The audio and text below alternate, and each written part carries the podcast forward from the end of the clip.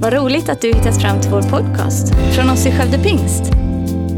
Vår bön är att den ska hjälpa dig förstå mer om vem Gud är, bygga din relation med honom och ge praktiska verktyg för ditt liv. Vi ska läsa Apostlagärningarna 4, Apostlagärningarna 4, Apostlagärningarna det var något annat. Eh, 29 till 31. Jag ska läsa från Nu-bibeln och det är också ett bibelord som vi har haft uppsatt för de här böneveckorna. Och jag känner att jag vill ta avstamp där i idag. Kommer in i en kontext här där församlingen har ju startat med dunder och brak. Ni vet pingstdagen, 3000 blir döpta. Det växer och det, så det knakar och människor blir helade. Gud gör under. Men så kommer förföljelse, så kommer motståndet, så kommer hoten. Och nu kommer vi i kontext där eh, eh, inte minst Petrus och Johannes har varit inför rätta och blivit hotade och blivit tillsagda. Sluta predika om den där Jesus. Ni får inte göra det något mer utav myndigheterna. Och nästa gång kommer vi inte nöja oss med en tillsägelse. Då kommer det att bli allvarligare. Och då samlas man i församlingen för att be. Och det här är en del av den bönen som man bad tillsammans där. Apostlagärningarna 4, 29, 31. Herre, se nu hur de hotar oss. Så hjälp nu dina tjänare att frimodigt förkunna ditt budskap. Visa din makt och bota de sjuka. Låt tecken och under ske genom din heliga tjänare Jesus namn.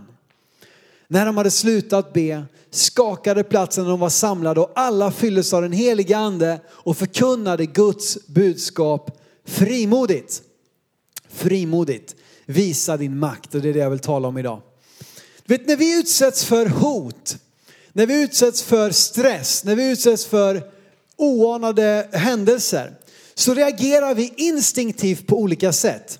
Och det har beskrivits av fysiologen Walter Bradford Cannon som formulerade teorin om fight or flight response. Alltså att vi flyr eller fightas när vi utsätts för hot. Och att det här då går tillbaka, det ser vi på savannen, att när de utsätts för en gasell, det kommer ett lejon, då de flesta där, de bara flyr direkt. Att det liksom finns nedlagt i oss att, att reagera på stress genom att fly eller fightas då, eller flight or fight. Eh, och jag valde att skriva fly eller fighta. Senare har man också lagt till, man var inte riktigt nöjda med det här, utan man har lagt till också freeze, alltså man kan frysa. Att det är också en respons när vi utsätts för hot, när vi utsätts för stress, så finns det en reaktion att bara Exakt, haren som står superstill tills den uh, bestämmer sig för att springa iväg istället. Eller ga, eh, gamen är det inte, det är strutsen som stoppar ner huvudet i, i, i, marken och bara står där och liksom hoppas att, att, att inget ska hända. Eh, fly, fighta eller frys. Och det är det här som händer när adrenalinet kickar in. Eh, då reagerar vi liksom instinktivt på den här typen av, av hot eller faror. Eh, och som sagt, ska vi då fly, ska vi fightas, ska vi frysa? Och ser jag tillbaka på min, min pojktid så, så ser jag med empiriska bevis här nu då att det finns, det finns stöd för den här teorin. Jag, jag var inte bara välkammad när jag, var, när jag var ung utan vi var några grabbar som brukade hitta på en del hyss. Och nu när man är vuxen så kan man ju bekänna sånt här och erkänna det. Och eh, jag minns en gång, vi tände en stor brasa mitt på en cykelväg i, i ett bostadsområde i Jo. Eh, och vi bara hämtade pinnar och vi la på det, det var ju på asfalt då. Och det var en stor brasa till slut och det var liksom, ja, seriöst, det var höga lågor. Och så kom det ju någon, någon lite mer vettig människa, eh, någon vuxen människa, ansvarsfull, en bit bort och ropade, äh, vad håller ni på med? Gissa vad vi gjorde? Vi flydde. Vi sprang allt vad vi orkade. Fly, här gäller det. Lägga benen på ryggen och sticka härifrån så gott det bara går. Eh, och vi sprang därifrån. En annan gång, alltså vi hade en kompis, jag ska inte säga hans namn nu för det kanske läcker ut så här, men eh, när vi var hos honom, han bodde några, något bostadsområde bort ifrån mig så det var ganska ofarligt att härja runt där. Men han var ju, vi var ju busade bland hans grannar liksom så jag vet inte riktigt hur, hur ja, jag minns en gång vi hade gjort någonting, eh, vi slängde snökucklor på en, en husvägg av någon anledning. Eh, Och till slut så kom de ut och så sprang vi och slängde oss ut på ett fält och så låg vi där ute i mörkret, i snön där. Och så ropar de, Brännberg, jag vet att det är du! Så det var, ja, min kompis hette det i efternamn då, jag ska inte säga mer än så. Men en gång på hans granne så, så smög vi upp på deras takterrass av någon också anledning. Jag vet inte varför man gör sådana här saker. Jag har en egen son nu som inte är så gammal. Men han går runt och gör saker. Jag förstår, varför gör du det här? Han går och samlar saker. Vi har en, en, en fönsterbräda hemma. Och där går han, han hämtar saker i hela huset och så går han och så ställer han det där på fönsterbrädan. Att ni ska se, det är helt fullt med grejer där. Det är liksom, ja det är säkert någon schampoflaska och det är liksom skålar och det är några leksaker och det är, han har hittat någon, allt möjligt, någon sko och han, han går och hämtar. Det liksom finns ingen logik och så var det lite grann i pojktiden också. Vi kröp upp där på takterrassen och, och var där. Jag vet inte vad vi gjorde där, vi bara satt där. Och så när vi är där uppe så hör vi steg på trappan upp. Och det var liksom, det var tak runt omkring. Vi kunde inte ta oss någonstans. Alltså lite så tänkte man bara, äh, men vi slänger oss över här, bara gör någonting. Och vi låg där och då kan jag säga, då blev den andra reaktionen, frys!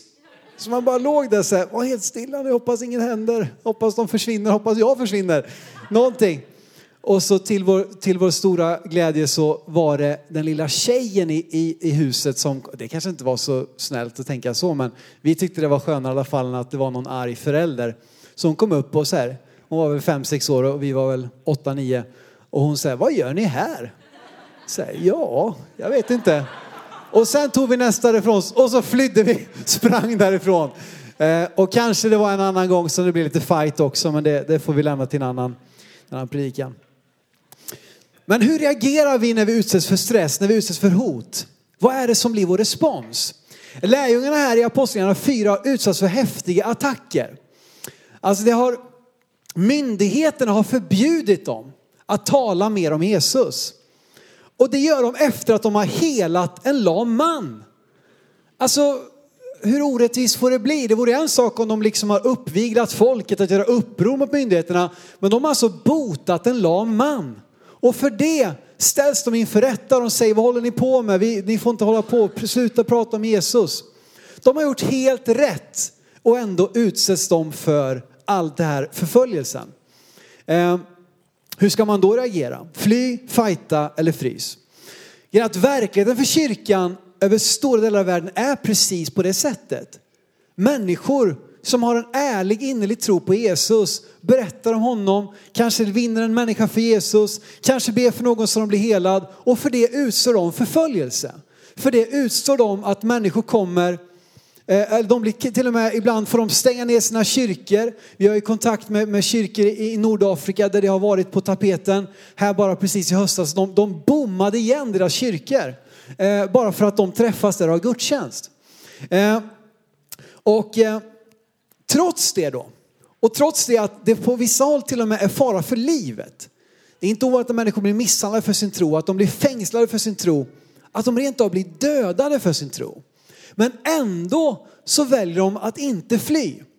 Ändå så väljer de inte att lägga sig platt ner, att avsäga sig sin tro på Gud, utan de fortsätter. Och de gör det utan att sluta, de gör det utan att ge upp. De fortsätter faktiskt då att ta fighten. Jag undrar om vi ibland alltså i västvärldens kyrka, där det har blivit så otroligt bekvämt väldigt mycket. Där vi liksom har varit, eh, vad ska man säga, majoritetsreligionen eh, eh, eller majoritetskyrkan eller vad man nu ska kalla det för i kanske flera hundra år. Och jag tycker ibland att vi kanske blivit lite väl bekväma. Det är lite väl enkelt för oss. Och det gör att vi kanske inte alltid då tar heller fighten när det behövs. Utan så fort det finns minst eller antingen att det vi gör eller säger eller står för inte är liksom politiskt korrekt eller att eh, motgång uppstår eller att vi skulle riskera att misslyckas så tycker jag för allt för ofta att vi bara backar. Att vi bara backar. Nej, vi, vi säger inget, vi gör ingenting. Nej, nej, okej, tycker ni så? Nej, men då tonar vi ner lite här. Men det finns faktiskt det som är värt att fightas för. Det finns det som är värt att stå upp för och möta hotet, möta motgången utan att fly eller frysa. Och även om ordspråket är sant, hellre fly än illa fäkta. Eh, det har ni säkert hört. så är det ju så att vi kan ju ibland behöva bra fäkta då. Vi kan behöva fäkta bra. Vi kan behöva alltså lära oss ibland att ta fighten på ett rätt sätt. Att stå upp och inte bara då som de kunde ha gjort här. De kunde, okej, okay, vi, vi, får, vi, får, vi får sluta prata om Jesus, vi får sluta mötas, vi får sluta be för sjuka, vi får sluta liksom vara så frimodiga, vi får tona ner lite grann, vi får anpassa oss lite mer till de judiska lagarna och reglerna så att vi inte sticker ut för mycket. När de valde att fortsätta stå upp. Men det finns någonting otroligt viktigt här att bara komma ihåg då när vi ska, ska vi börja fightas här nu vi som är Guds folk och vi som är Guds församling. Det låter lite väl aggressivt kanske. Då är det så viktigt att bara ha en sak väldigt klar för oss och det är att striden är Herrens. Striden är Herrens. Och det står om det, vi ser det återigen, det är återkommande i hela gamla testamentet. Eh, så ser vi gång på gång på gång att, att Herren stred för oss. Herren stred för oss. Herren stred för sitt folk. Herren han tar fighten. Eh, och vi ska läsa ett sånt sammanhang då i första Samuelsboken 17 så du förstår att jag inte, att jag inte bara står och hittar på. Eh, första Samuelsboken 17. Och då står det så här att, och det är ju, det är ju faktiskt sammanhanget eh, med eh, David och Goliat. Och det är Davids, eh, David som talar här. Han säger så här, alla som samlats här ska förstå att det inte är genom svärd och spjut som Herren räddar. Striden är Herrens och han ska ge er i vår hand. Striden är Herrens. Det är bara så viktigt att ha det grundläggande klart för oss. Att okej, okay, men hur ska vi kunna möta det här motståndet? Hur ska vi kunna ta fighten? Hur ska vi kunna göra det? Jo, genom att ge striden åt Herren. Men poängen är att vi som Guds folk, vi som Jesu lärjungar, vi som Guds församling, vi har ett ansvar att faktiskt ta striden till Gud. Att faktiskt lyfta det till honom, att ge det till honom och låta honom strida för oss. Och vi har fått en mäktig möjlighet att faktiskt aktivera hela himlen genom bön. Genom vår bön kan vi aktivera himlens härskaror. Genom bön kan vi aktivera Guds vilja här på jorden. Genom att vi tar striden till Gud. Inte bara flyr när det sker, utan vi har fått vapnet i vår bön. Där var och en av oss, oavsett om du tycker att du kan be länge eller kort, oavsett om du tycker att du har liksom, vad vet jag, det spelar ingen roll, men om du har en tro på Jesus så har du fått möjligheten att aktivera himlen genom din bön. Genom din bön. Och vet du inte vad du ska be? Använd Bibeln. Be utifrån Bibeln.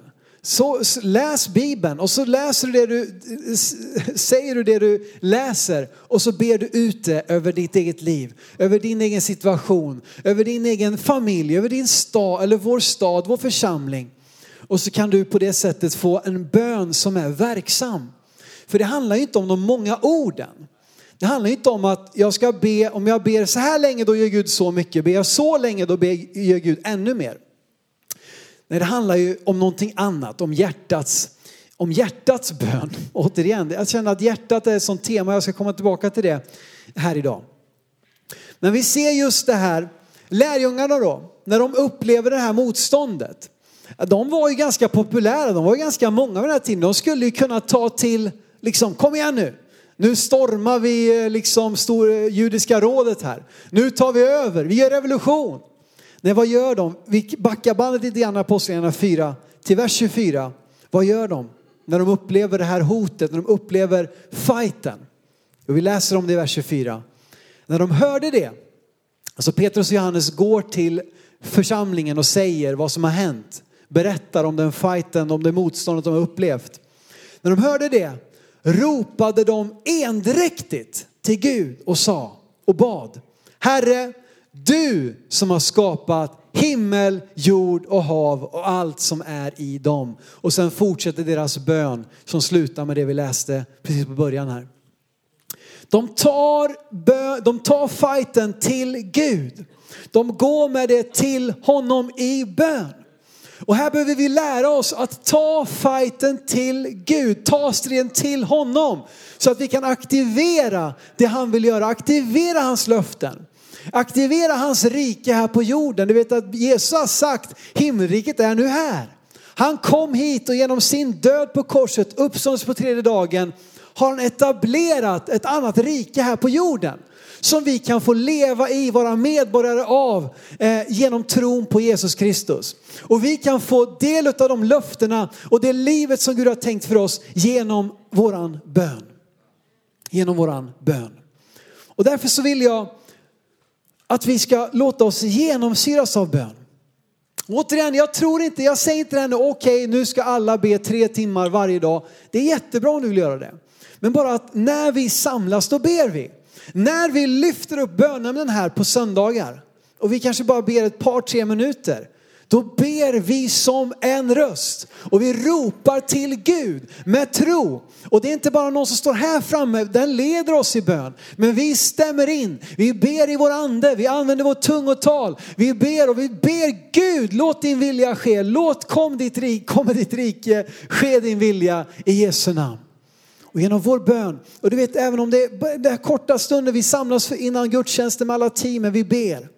Eller när ni har connect-grupp och ni ber tillsammans oavsett om ni är en connect-grupp som älskar alla, alla ber högt och alla ber länge. Eller om ni är en grupp där det är några få som vågar be en liten bön. Så låt det göra skillnad.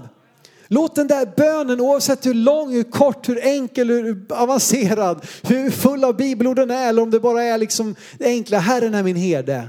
Tack Gud, du är min herde, led mig. Det spelar ingen roll, men att bönen skulle få vara verksam ibland oss. De tar bönen till Gud. Och deras bön är inte att Gud ska ta bort förföljelsen.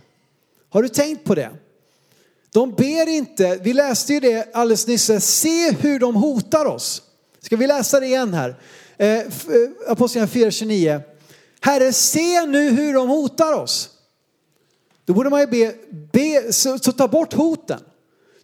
Få dem att sluta hota oss, få dem att sluta säga att vi, att vi gör fel. När de ber så hjälp dina tjänare att frimodigt förkunna ditt budskap. Det är vad de ber om. De ber att de ska få fortsätta, stå fast. Och vad de gör, det, det, är upp till dem. Men vi kommer stå fast. Vi kommer stå raka, vi kommer fortsätta, vi kommer kämpa. Och jag tycker det är så starkt. Det de ber är att Guds rike ska expandera. Det de ber är att Gud ska visa sin makt genom att han låter under och tecken ske, genom att han botar de sjuka. Eh, och, och, det är det som är deras, det är det, det som är deras liksom, mål det är att Guds rike ska fortsätta expandera. Även om vi gör det med, under ständiga liksom, pilskurar, även om vi gör det under liksom, pistolhot eller vad det nu är för någonting så ska Guds rike växa och expandera och nå ännu fler människor. Och Guds frälsning, Guds helande, Guds befrielse, Guds under och tecken ska få ske i Jesu namn. Du vet, vi står precis i början av ett nytt årtionde. Och eh, själv så kom jag inte på det förrän i mellandagarna. Bara, oj, det är snart nytt år, men det är inte bara, det är ett nytt årtionde. Wow! Så här borde man ju liksom haft väldiga planer och strategier och nu ska vi presentera de kommande 20 åren och allt möjligt så här va.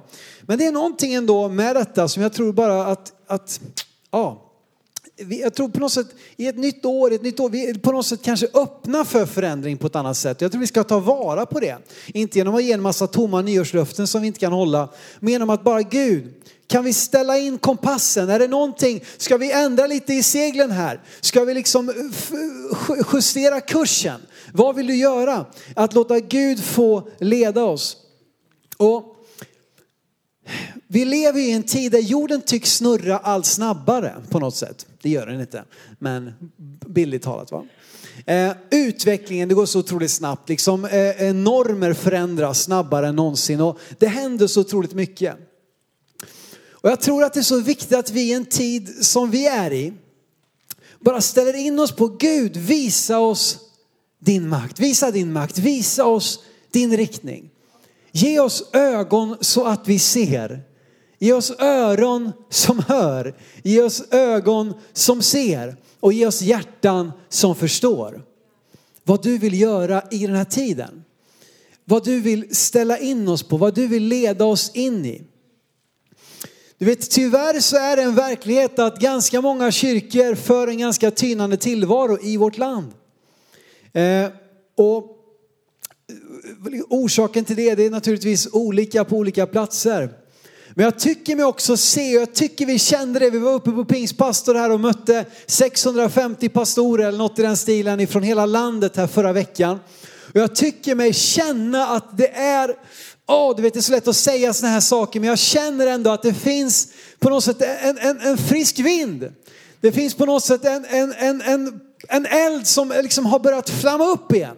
Det finns positiva tendenser. Det finns kyrkor som reser sig upp. Det finns kyrkor som planteras i en takt som vi inte har sett på många, många årtionden i vår rörelse. Det är någonting som Gud gör och jag tror bara Gud, låt oss vara med. Låt oss vara med i det du gör. Led oss, öppna våra ögon så att vi ser det du vill göra. Låt oss få vara riktade till dig. Låt oss höra vad anden säger till församlingen i vår tid 2020 och i den tid som ligger framför.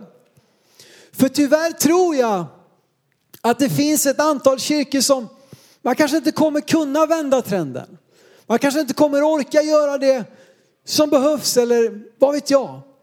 Men jag tror också att vi ska få se på nytt kyrkor som börjar blomstra, växa, ta ett liv och nå sina områden, sina städer på ett nytt sätt. Och Gud, låt oss vara med.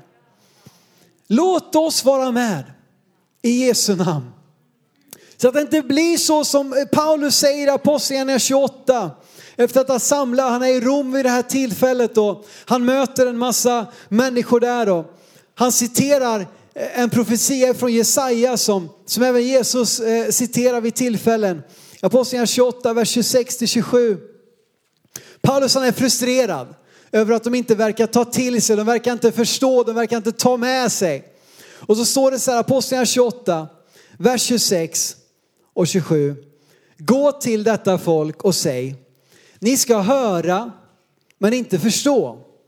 Ni ska se men inte inse. För detta folks hjärta är förhärdat.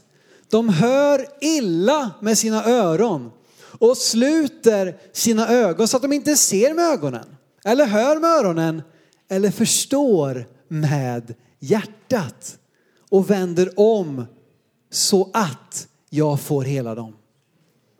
Vad är Guds, vad är Guds, liksom, vad är Guds syfte med att, att de ska se, att de ska förstå? Och återigen, det är hans barmhärtighet. Han vill ju hela oss. Det är det han vill. Och att ni bara kunde se, att ni kunde förstå, att ni kunde höra vad jag säger. Så att jag kunde hela er. Så att mitt rike kunde komma här på jorden så som det är i himlen.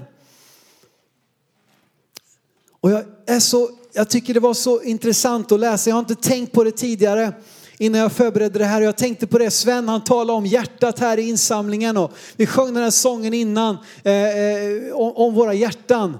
Jag ger dig mitt hjärta nu.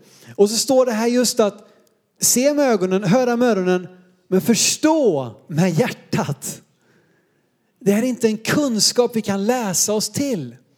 Det måste vara någonting som landar i vårt innersta. Där våra hjärtan inte är hårda, fullärda. Jag kan allt. Jag har redan varit på hundratusentals gudstjänster.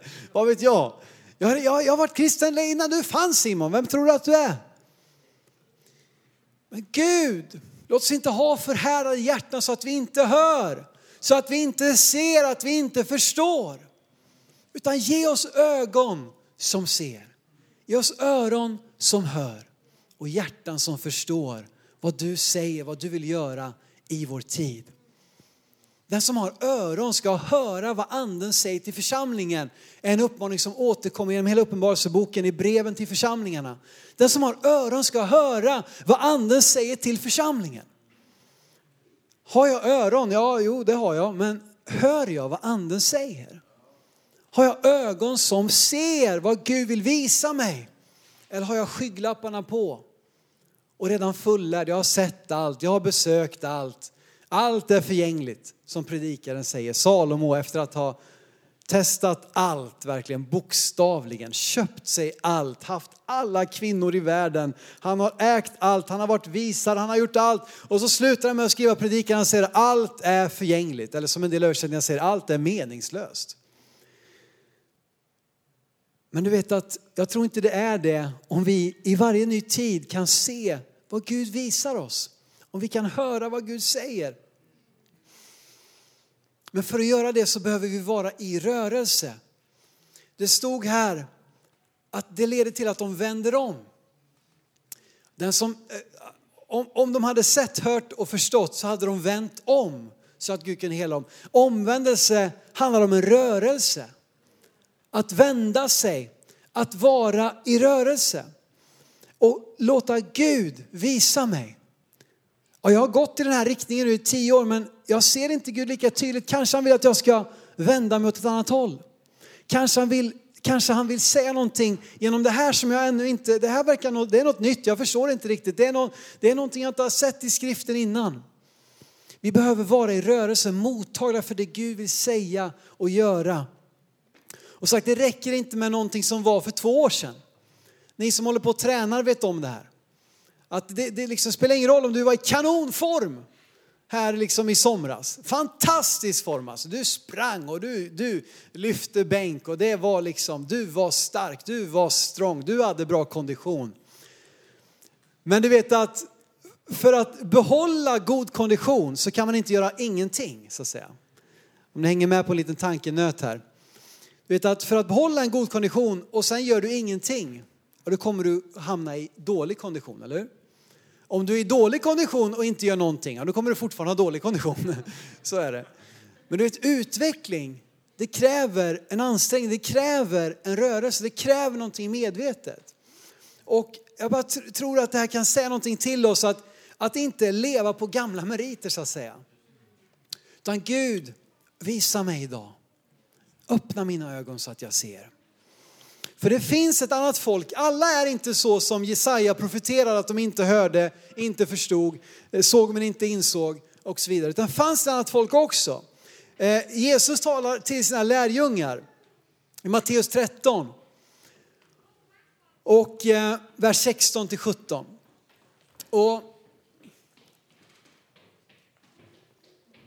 där säger Jesus här till sina lärjungar, men saliga, han har precis citerat samma som vi läste i Jesaja. Om folket som inte verkar förstå, men så säger han saliga är era ögon som ser och era öron som hör. Jag säger det sanningen, många profeter och rättfärdiga längtar efter att få se det ni ser men fick inte se det. Och höra det ni hör men fick inte höra det. det genom historien har det funnits människor som har längtat efter att Guds löften skulle gå i uppfyllelse. Som har bett och ropat och sökt Gud, kom, Gud visa dig, Gud verka ibland oss. Men Jesus hade ännu inte kommit, Jesus hade ännu inte uppenbarat sig. Men idag lever vi i en unik tid där Jesus har kommit. Där den helige Ande har blivit utgjuten. Där Bibeln är sammanställd för oss att läsa, predika och lära oss utav. Vi har alla förutsättningar för att få vara ett folk som faktiskt har öron som hör och ögon som ser. Och att vi får vara människor som är öppna. Gud, vad säger du? Gud, visa din makt. Visa din makt. Låt oss se vad du vill göra Gud. Det är min bön. Och jag tror att Gud vill, Gud vill visa sin makt. Och vi som hans folk ska få se vem han är. Vi som hans folk ska höra vad anden säger. Och vi ska aktivera himlen genom våra böner. Och jag, jag, har inte, jag, jag, har varit lite sådär, jag har varit lite all over the place inför den här predikan och det kanske märks lite grann. Det, det kanske inte har en lika sylvass röd tråd som, som det brukar finnas alla gånger. Men jag tror bara på något sätt att Gud vill han vill väcka någonting i oss. Han vill öppna någonting, han vill, han vill säga någonting. Om inte jag får det att förstå det så tror jag att den helige Ande vill tala och visa, uppenbara för oss. Tack för att du lyssnat. Dela gärna podden med dina vänner och glöm inte att prenumerera så du inte missar nästa predikan. Om du har några frågor eller vill att vi ska be eller tacka för något tillsammans med dig så får du gärna höra av dig till kyrkan skövdepingst.se. För oss är veckans höjdpunkt söndagens gudstjänst och det vore så kul att träffa dig där. Våra team finns då redo att ta emot dig och det finns även egna samlingar för barnen. Du hittar mer information om oss, vilka vi är och våra olika mötesplatser på skövdepingst.se. Gud välsigne dig och ha en fortsatt bra vecka.